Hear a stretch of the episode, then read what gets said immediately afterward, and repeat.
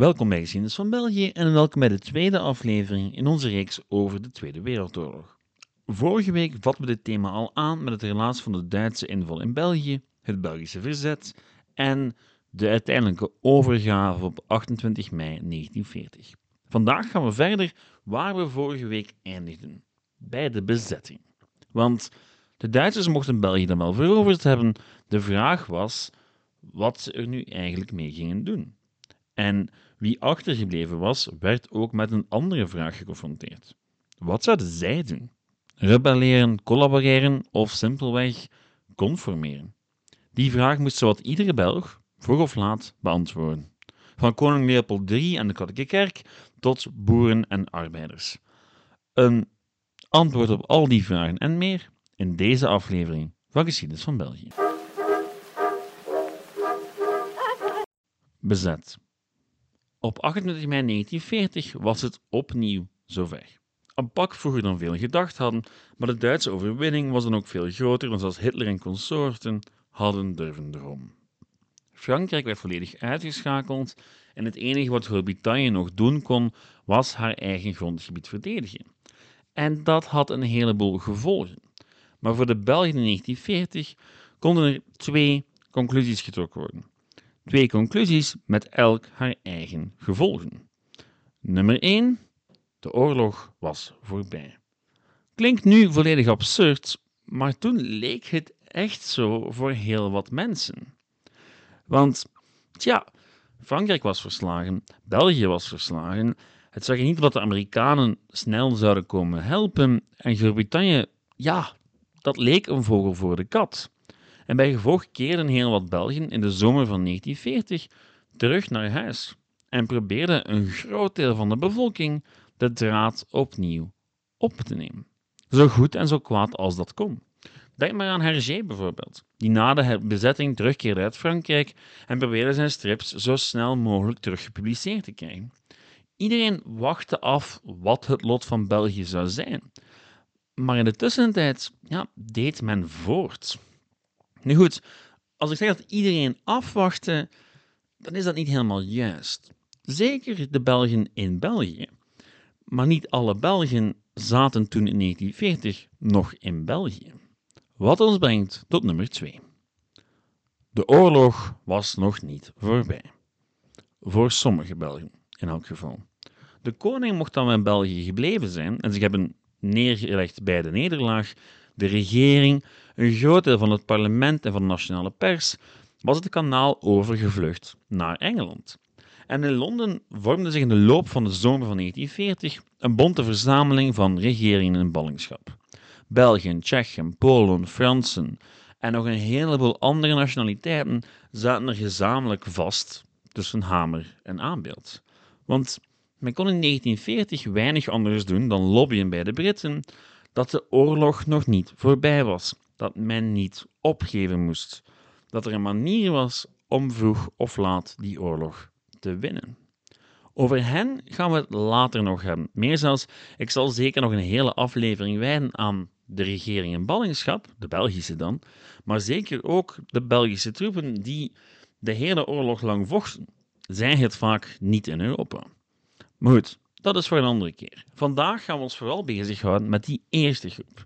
Zij die in België zaten en bang aan het afwachten waren wat er nu eigenlijk te gebeuren stond.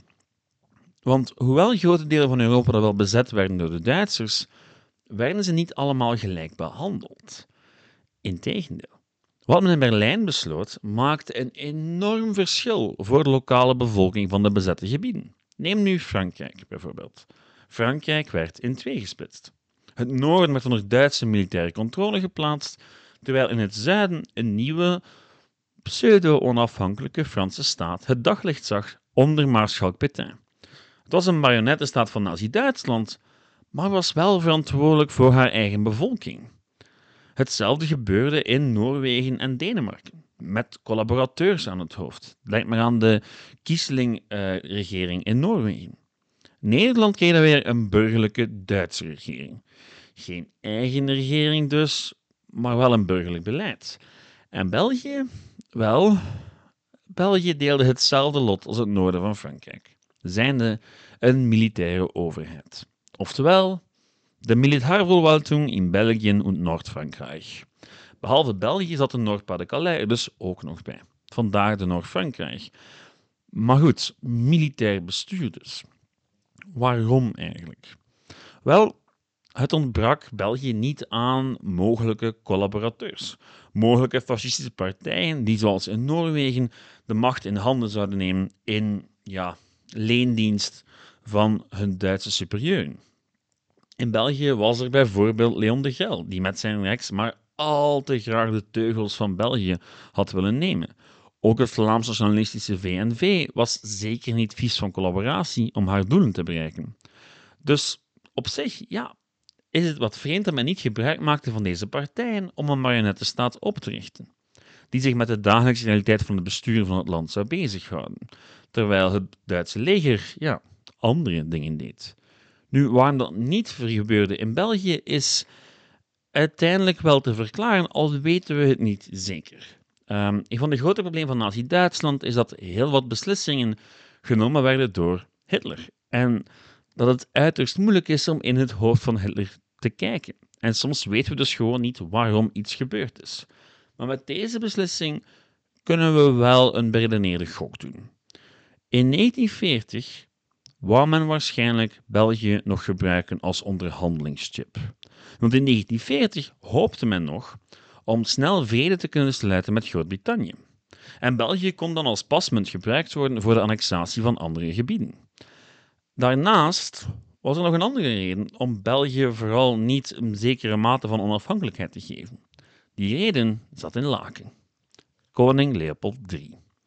Want ja, zolang die koning daar zat, zou een nieuwe Belgische regering zich misschien net iets te makkelijk laten beïnvloeden door de vorst. En ja, dat kon voor de nodige problemen geven, natuurlijk. Denk maar eens aan Rex. Rex dat voor de oorlog een heel Belgisch fascistisch programma had gehad, maar ook altijd de koning naar voren had geschoven als staatshoofd.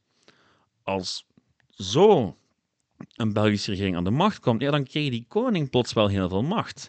En dat was misschien niet in het voordeel van de Duitse bezetter. Zwat. Op korte termijn werd toen beslist, in 1940, om een militair bestuur te installeren. De veiligste en makkelijkste oplossing. Wist men toen veel dat die oplossing in stand zou blijven tot 1944. Maar goed, wat betekent zo'n militair bestuur nu eigenlijk in de praktijk? Wel, kort samengevat, zat er een Duitse generaal in Brussel die het land bestuurde. Een generaal met de fantastische naam Alexander von Falkenhausen. Zijn taak was tweeledig.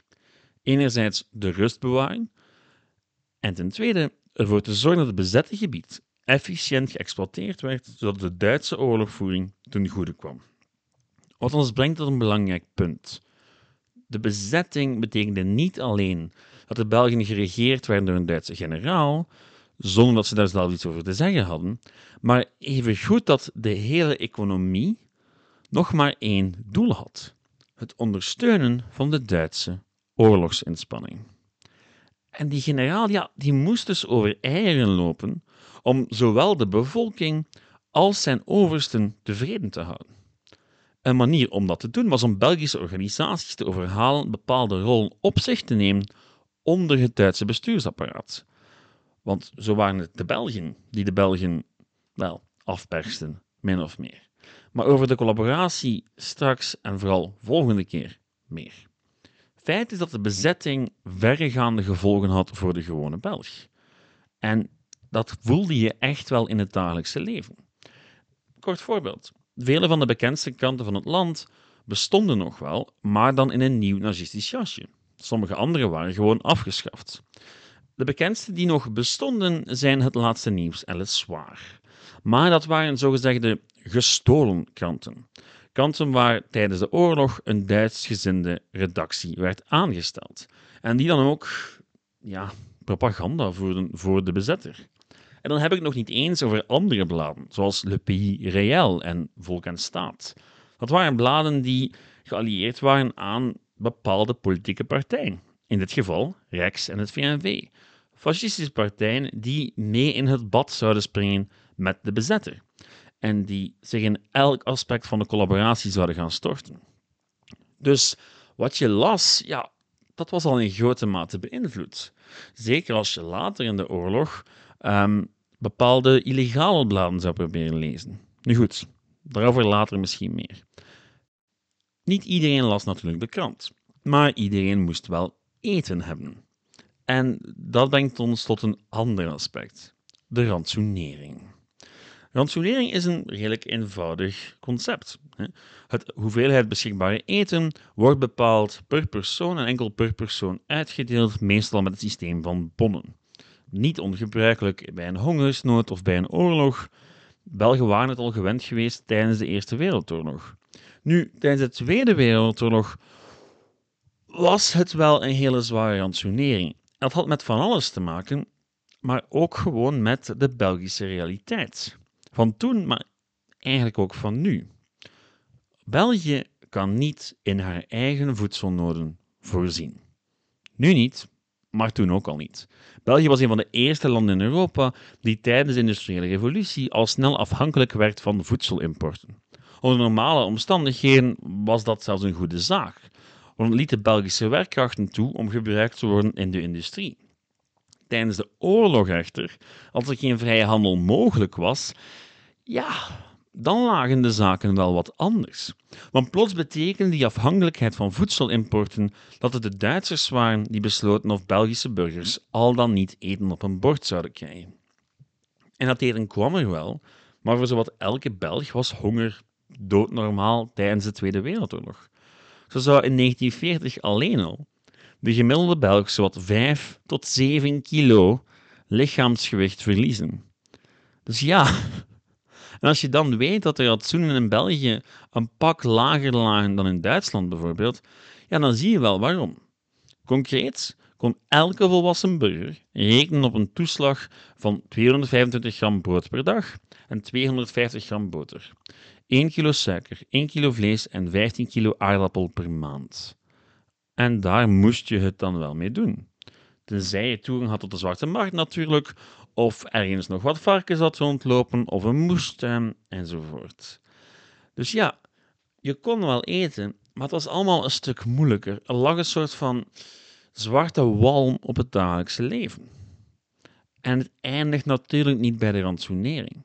Los van de rantsoenering waren ook nog een heleboel andere vraagstukken. Economische vraagstukken bijvoorbeeld. Want ja, het waren de Belgen die de kosten van de bezetting uit eigen zak moesten betalen. België moest zowat twee derde van zijn nationaal inkomen ophoesten om aan de Duitse eisen te voldoen. En daar stopte het natuurlijk niet. Want Nazi-Duitsland keek met een heel begeerige blik naar al dat mooie industriële materiaal dat zich in 1940 in België bevond. Net als in de Eerste Wereldoorlog trouwens. En dat stelde de Belgische bazen voor een heel ingewikkelde keuze. Meewerken met de Duitsers en dus eigenlijk landverraad plegen, of tegenwerken en de controle over een fabriek verliezen.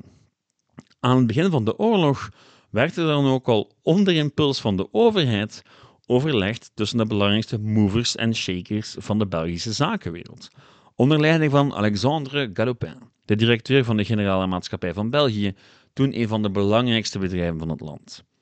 En men probeerde eigenlijk uit te zoeken wat de rol van de Belgische industrie zou zijn en mocht zijn in het bezette België. En daar kwam de Galopin-doctrine uit voort. Een soort van stelregel voor Belgische bedrijven tijdens de oorlog. Om wat wel mocht, wat niet mocht. Het idee was eigenlijk simpel. Als Belgisch bedrijf mocht je gerust verder produceren voor de Belgische bevolking. Maar elke medewerking met de Duitsers, die moest je weigeren als het ging over dingen die gebruikt konden worden in de oorlog. Dat lijkt een eenvoudige regel, maar zo streng is die lijn eigenlijk niet. Het is nogal vaag. Want ja, als je voedsel levert aan Duitse soldaten, bevorder je dan de Duitse oorlogsinspanning? Technisch gezien wel natuurlijk. Dus in de praktijk bleek het gewoon voor die bedrijfsleiders heel moeilijk om te beslissen wat ze wel of niet zouden doen. En als ze weigerden om mee te werken met het Duitse leger, ja, dan liepen ze niet alleen een hele grote bron van inkomsten mis, waardoor het bedrijf de oorlog misschien niet zou overleven, Maar dan liepen ze ook het gevaar dat de Duitsers op termijn zouden zeggen van oké, jij werkt niet mee met ons, goed, jouw keuze, wij nemen gewoon alles in beslag. En jouw werknemers, die hier niks lopen te doen als jij niet voor ons werkt, wel, die kunnen lekker in Duitsland komen werken. Dat was de realiteit waarmee werkgevers werden geconfronteerd in die periode. En niet alleen zij natuurlijk, want wat je hier al voelt, die spanning, dat zou een hele moeilijke worden voor heel veel mensen tijdens de oorlog. En hoe langer de oorlog vorderde en hoe wanhopiger de Duitsers werden, hoe moeilijker het ook werd om te weigeren aan de bezetter. Dus maakten heel wat bedrijfsleiders uiteindelijk toch maar de keuze voor economische collaboratie. En voilà. Daarmee hebben we het woord eindelijk gebruikt. Het woord dat in Vlaanderen heel vaak geassocieerd wordt met de Tweede Wereldoorlog: collaboratie. Het meest hekele onderwerp van allemaal. Nu, vandaag ga ik het niet heel uitgebreid over collaboratie of fascisme hebben. Dat komt nog. Maar belangrijk om te weten is dat, hoewel we collaboratie vandaag vooral associëren met Rex en het VNV, het gaat veel verder dan dat als fenomeen. Het gaat veel verder dan die enkele politieke partijen die er steeds mee geassocieerd worden. Want je kan collaboratie op een heleboel verschillende manieren definiëren. Uiteindelijk is de makkelijkste definitie die van collaboreren. Samenwerken, collaboratie met de vijand. Tuurlijk, dat kan op verschrikkelijk veel manieren, zoals het voorbeeld van economische collaboratie duidelijk maakt. Neem nu bijvoorbeeld een autobedrijf dat reparaties en herstellingen zou doen voor Duits rollend materieel. Ja, als dat alleen maar gaat om de personenwagens van generaals en officieren, tot daar. Maar eens het gaat over vrachtwagens waarmee troepen werden vervoerd, ja, dan ben je technisch gezien echt wel aan het collaboreren. Of wat als je een Antwerps bedrijf bent en je gaat je verhuiswagens gaan uitlenen om Joden op te pakken en naar de docentkazerne in Mechelen te vervoeren. De grens is soms heel duidelijk en soms heel dunnetjes. En het was een probleem voor een heleboel mensen. Nu, je kan collaboraties op een heleboel verschillende manieren definiëren. Een juridische, waar je kijkt naar de letter van de wet. Een maatschappelijke, waar je kijkt naar hoe de lokale maatschappij er naar keek. Of een politieke, waar je kijkt naar de politieke aspecten van de collaboratie. Het is al bij al een heel ingewikkeld fenomeen en we zullen het er nog uitgebreid over hebben als we de repressie gaan bespreken, in de laatste aflevering van deze reeks. Feit is dat de Belgische samenleving tijdens de oorlog een ingewikkeld kluwen was en het voor de mensen van toen vaak niet helemaal duidelijk was wat nu goed of slecht was. En ja, dat had heel veel gevolgen. Na de oorlog moest er immers geoordeeld worden. En dat proces was moeilijk. De duidelijke lijnen die na de oorlog gebruikt werden om te oordelen, waren tijdens de oorlog voor de gemiddelde burger helemaal niet zichtbaar. Nu goed, daar krijgt u sowieso nog een hele aflevering over, want het toeval wil dat ik me tijdens mijn studies aan de UGent vooral met dat onderwerp heb bezighouden. Collaboratie en repressie. Collaboratie maakte uiteindelijk deel uit van het dagelijks leven, net als verzet. Maar om te begrijpen hoe dat verliep en waarom er golven waren van collaboratie en verzet, en waarom het er eigenlijk amper was in het begin van de oorlog en veel meer op het einde, dan heb ik het vooral over verzet. Ja, daarvoor moet je weten wat er gebeurde buiten België. Want dat had gevolgen. Wie wil begrijpen wat er in België aan de hand was, moet dat globale verhaal in de gaten houden. Waar in 1940 Duitsland nog duidelijk aan de winnende hand was, begon het beeld in 1941 langzaamaan te veranderen. Hitler besloot toen immers om de Sovjet-Unie binnen te vallen. Een beslissing die op korte termijn helemaal niet zo waanzinnig leek als nu achteraf. Integendeel, in die eerste maanden van de inval sneden de Duitse troepen door de Russen heen als een mes door boter. Pas later, in 1942 en zeker vanaf 1943, verslechterde het oorlogsverloop. En dat voelde men in België. Vanaf 1941 bijvoorbeeld verhoogde de druk op België om toch maar voldoende te produceren. En hoe langer die oorlog duurde en hoe slechter die liep voor de Duitsers, hoe moeilijker het werd voor de Belgische bevolking. Neem nu bijvoorbeeld het Verenigd Koninkrijk. Dat was in 1941 nog de laatste verzetshaard in West-Europa tegen de Duitse overheersing. In The Battle of Britain, een luchtslag om Groot-Brittannië, wisten de Britten uiteindelijk aan het kortste eind te trekken, waardoor een invasie van Engeland onmogelijk werd. Zonder die overwinning was de latere bevrijding nooit mogelijk geweest, maar op korte termijn had het ook een heleboel minder aangename gevolgen voor de Belgen. Bombardementen. Want ja, een deel van de Belgische economie en infrastructuur tijdens de bezetting diende nu eenmaal de Duitsers. En dus was het vanuit militair perspectief heel logisch dat bepaalde doelwitten gebombardeerd zouden worden. Neem nu pakweg de haven van Zeebrugge of luchtvelden van de Luftwaffe. Heel logisch. En later, vanaf 1943 bijvoorbeeld, toen men langzaamaan de landing in Normandië aan het voorbereiden was en men dus bepaalde verkeersknooppunten wou bestoken, om de bevoorrading van de Duitsers te bemoeilijken, ja, begon men wel plekken te bestoken waar ook heel wat mensen woonden. En tja, dan vallen er wel eens wat burgerslachtoffers. Men begon ook strategische locaties te bombarderen. Pak nu het bombardement op de Minerva-fabriek in Mortsel op 5 april 1943. Een heleboel bommen raakten het doelwit niet. Gevolg 936 doden. Dat is veel.